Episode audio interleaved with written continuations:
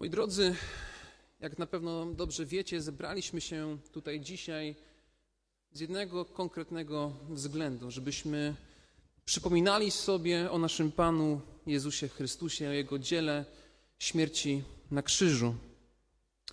Myślę, że to, o czym dzisiaj śpiewaliśmy, to, co dzisiaj czytaliśmy, jest dla wielu z nas bardzo dobrze znane.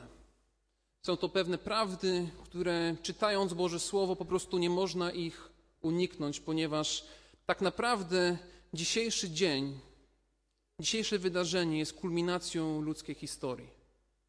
Do tego od samego początku ludzkość zmierza i w tym momencie śmierci na krzyżu wydarzyło się coś, co sprawiło, że ludzie, którzy czekali na to wydarzenie, mają teraz nadzieję.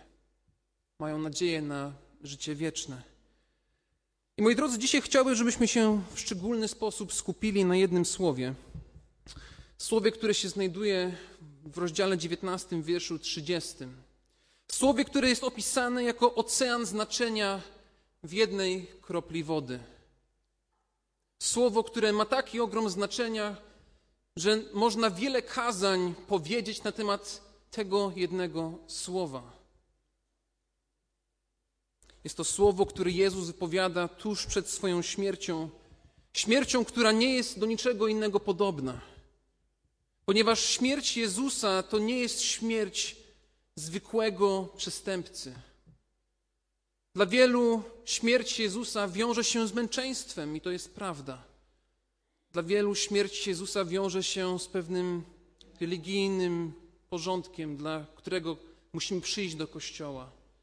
A jednak śmierć Jezusa jest o wiele ważniejsza w swoim przekazie. To, w jaki sposób Jezus umiera, ukazuje, że śmierć Jezusa następuje w momencie, w którym ona miała nastąpić. Ani wcześniej, ani później. To Jezus zadecydował, w którym momencie ma odejść, i to się wiąże z tym słowem, o którym dzisiaj sobie powiemy. Otwórzcie proszę Ewangelię Jana, 19 rozdział, czytamy wiersz od 28 do 30 i skupimy się na jednym greckim słowie, a w języku polskim to ono przetłumaczone na dwa słowa. Ewangelii Jana, 19 rozdział, wiersz od 28 do 30. Potem Jezus, wiedząc, że się już wszystko wykonało, aby się wypełniło pismo, powiedział: Pragnę. A stało tam naczynie pełne octu. Włożywszy więc na pręt hizopu gąbkę nasiąkniętą octem, podali mu do ust. A gdy Jezus skosztował octu, rzekł: Wykonało się. I skłoniwszy głowę, oddał ducha. Jezus rzekł: Wykonało się. I skłoniwszy głowę, oddał ducha.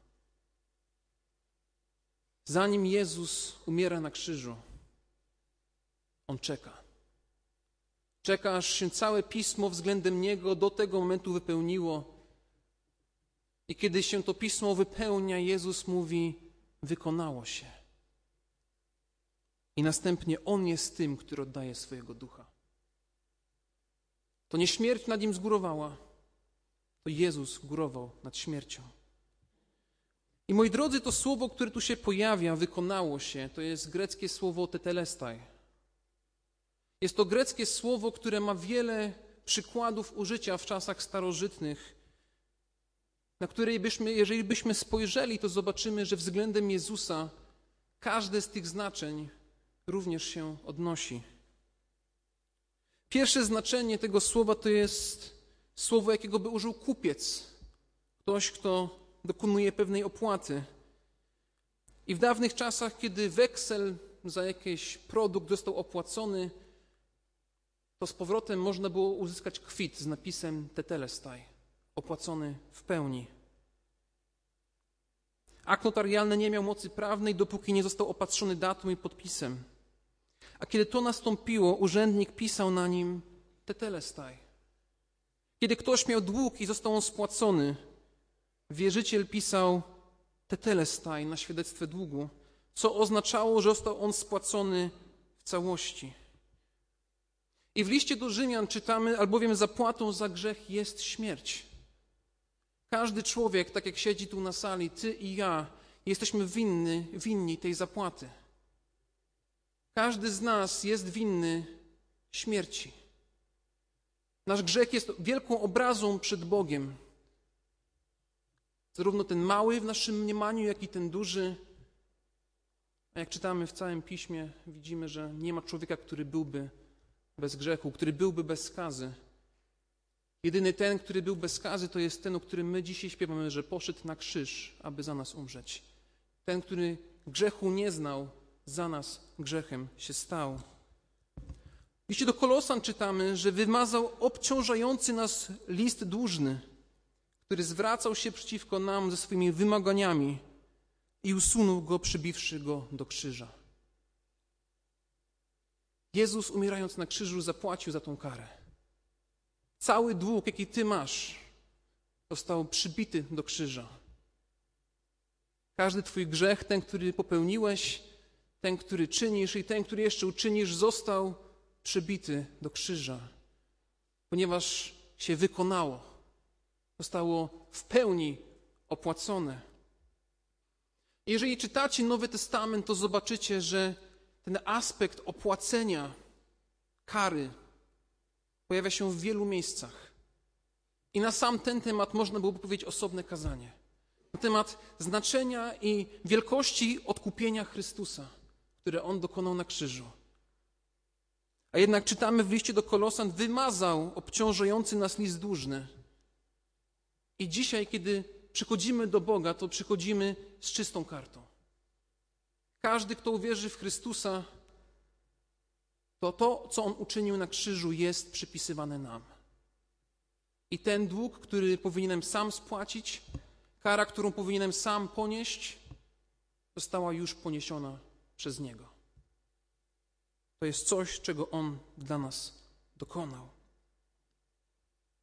Drugim przykładem wykorzystania tego słowa jest przykład sługi. Kiedy sługa przychodził do swojego mistrza, który powierzył mu konkretne zadanie,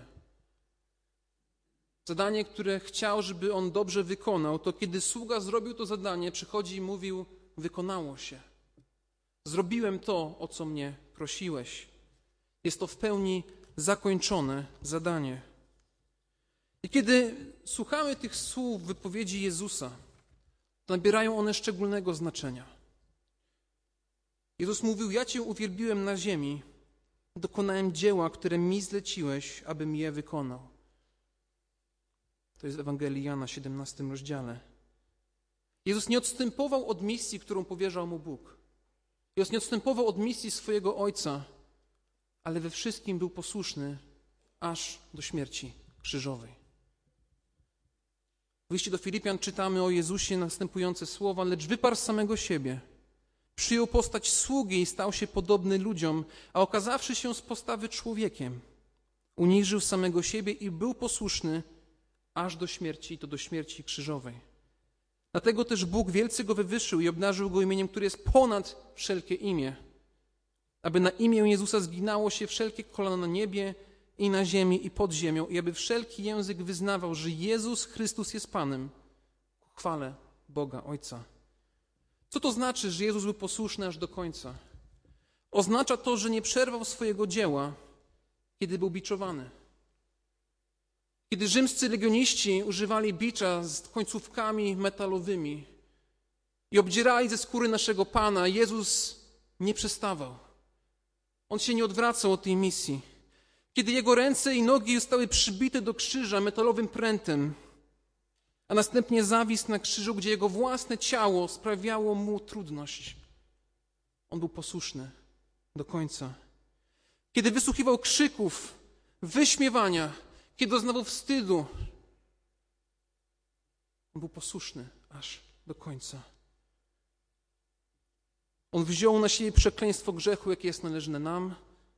Tak jak czytamy w liście do Galacjan, stawszy się za nas przekleństwem, gdyż napisano: Przeklęty każdy, który zawisł na drzewie. Jezus zajął nasze miejsce na tym krzyżu. To słowo również użyłby artysta, który kończy swoje arcydzieło, swój ostatni pędzel, którym by pomalował swój obraz. by powiedział: Wykonało się. To dzieło zostało zakończone. Nic już nie trzeba do tego dzieła dodawać. Nie potrzeba nowego surowca, nie potrzeba nowej farby. Jest to coś, co jest w pełni zakończone. Jest to coś, co już więcej nie potrzebuje mojego wkładu. Kiedy sobie myślę o tym obrazie artysty, który kończy swoje dzieło, to rzuca mi się na myśl obraz Jana Matejki, Bitwa pod Grunwaldem. Wielki obraz, ponad 40 metrów kwadratowych. I w pewnym momencie trzeba powiedzieć koniec. Trzeba zakończyć malowanie tego dzieła. I Jezus na krzyżu mówi koniec. Wykonałem to, czego Ojciec ode mnie oczekiwał. Wszystko to, to, co czyniłem i to teraz czynię, wykonałem dla chwały Ojca i dla tych, którzy we mnie uwierzą. Co więcej, potem czytamy w listach, w liście do Efezji o tym, że my potem się stajemy Bożym dziełem, Bożym stworzeniem, nowym stworzeniem. I to dzieło, które zostało zakończone na krzyżu, teraz rozpoczyna się w każdym z nas. W każdym, kto zaufa Mu jako swojemu Panu, swojemu Zbawicielowi. To słowo, które nazywane jest dziełem w języku polskim, to jest słowo, od którego potem pochodzi słowo poezja, jako pewien obraz Bożego artyzmu, Bożej sztuki. I potem my się stajemy, ze względu na to, co uczynił Chrystus na krzyżu, kolejnym wersem w wielkim poemacie Boga. Każdy z nas staje się częścią Bożej sztuki, Bożego dzieła ze względu na skończone dzieło Jezusa Chrystusa. Ostatnia rzecz, której to, to słowo dotyczy, jest to słowo zwycięstwa, jakie mówił żołnierz po zakończonej bitwie. Kiedy żołnierz patrzył na zakończoną bitwę, mówił tetelestaj. Wykonało się, zakończyło się. Bitwa została wygrana. To nie było słowo przegranych, to było słowo zwycięzców. I czasami słabo i trudno nam się patrzy na krzyż, ponieważ patrząc na krzyż widzimy tego, który na nim wisi. A jednak jego dzieło jest czymś więcej niż tylko wisieniem na krzyżu. Jest to wielkie zwycięstwo nad potężnym wrogiem. Nad wrogiem, którym każdy z nas musi się też dzisiaj mierzyć. Wrogiem, którego wiele ludzi się dzisiaj boi. Wrogiem, którego nie znamy, nie wiemy, kiedy nas najdzie. Wrogiem, który potrafi się przyczaić w najbardziej niespodziewanym momencie, i tym wrogiem jest śmierć. I moi drodzy, śmierć jest potężnym wrogiem. W liście do Hebrajczyków czytamy następujące słowa. Skoro zaś dzieci mają udział we krwi i w ciele, więc i on również miał w nich dział, aby przez śmierć zniszczyć tego, który miał władzę nad śmiercią, to jest diabła, i aby wyzwolić wszystkich tych, którzy z powodu lęku przed śmiercią przez całe życie byli w niewoli. Myślę, że dzisiaj jest wiele ludzi, którzy boją się śmierci, którzy boją się tego, co ich spotka. Niektórzy uważają, że prawdziwie gotowi do życia jesteśmy dopiero wtedy, kiedy pogodzimy się, że w pewnym momencie swojego życia odejdziemy z tego świata. To wtedy prawdziwie stajemy się wolnymi do tego, żeby żyć tutaj z tym, co nas spotyka. Ale równocześnie jest wielu z tych, którzy dzisiaj boją się tego, co ma nadejść, tego, co nieznane, tego, co niewiadome. I Jezus przyszedł pokonać śmierć. Jednym z celów przyjścia Jezusa na ziemię jest to, żeby cierpienie, smutek i ból, jaki śmierć sprawia, został pokonany. Otwórzcie proszę, jeżeli macie Biblię, Ewangelii Jana 11 rozdział. Ewangelii Jana 11 rozdział.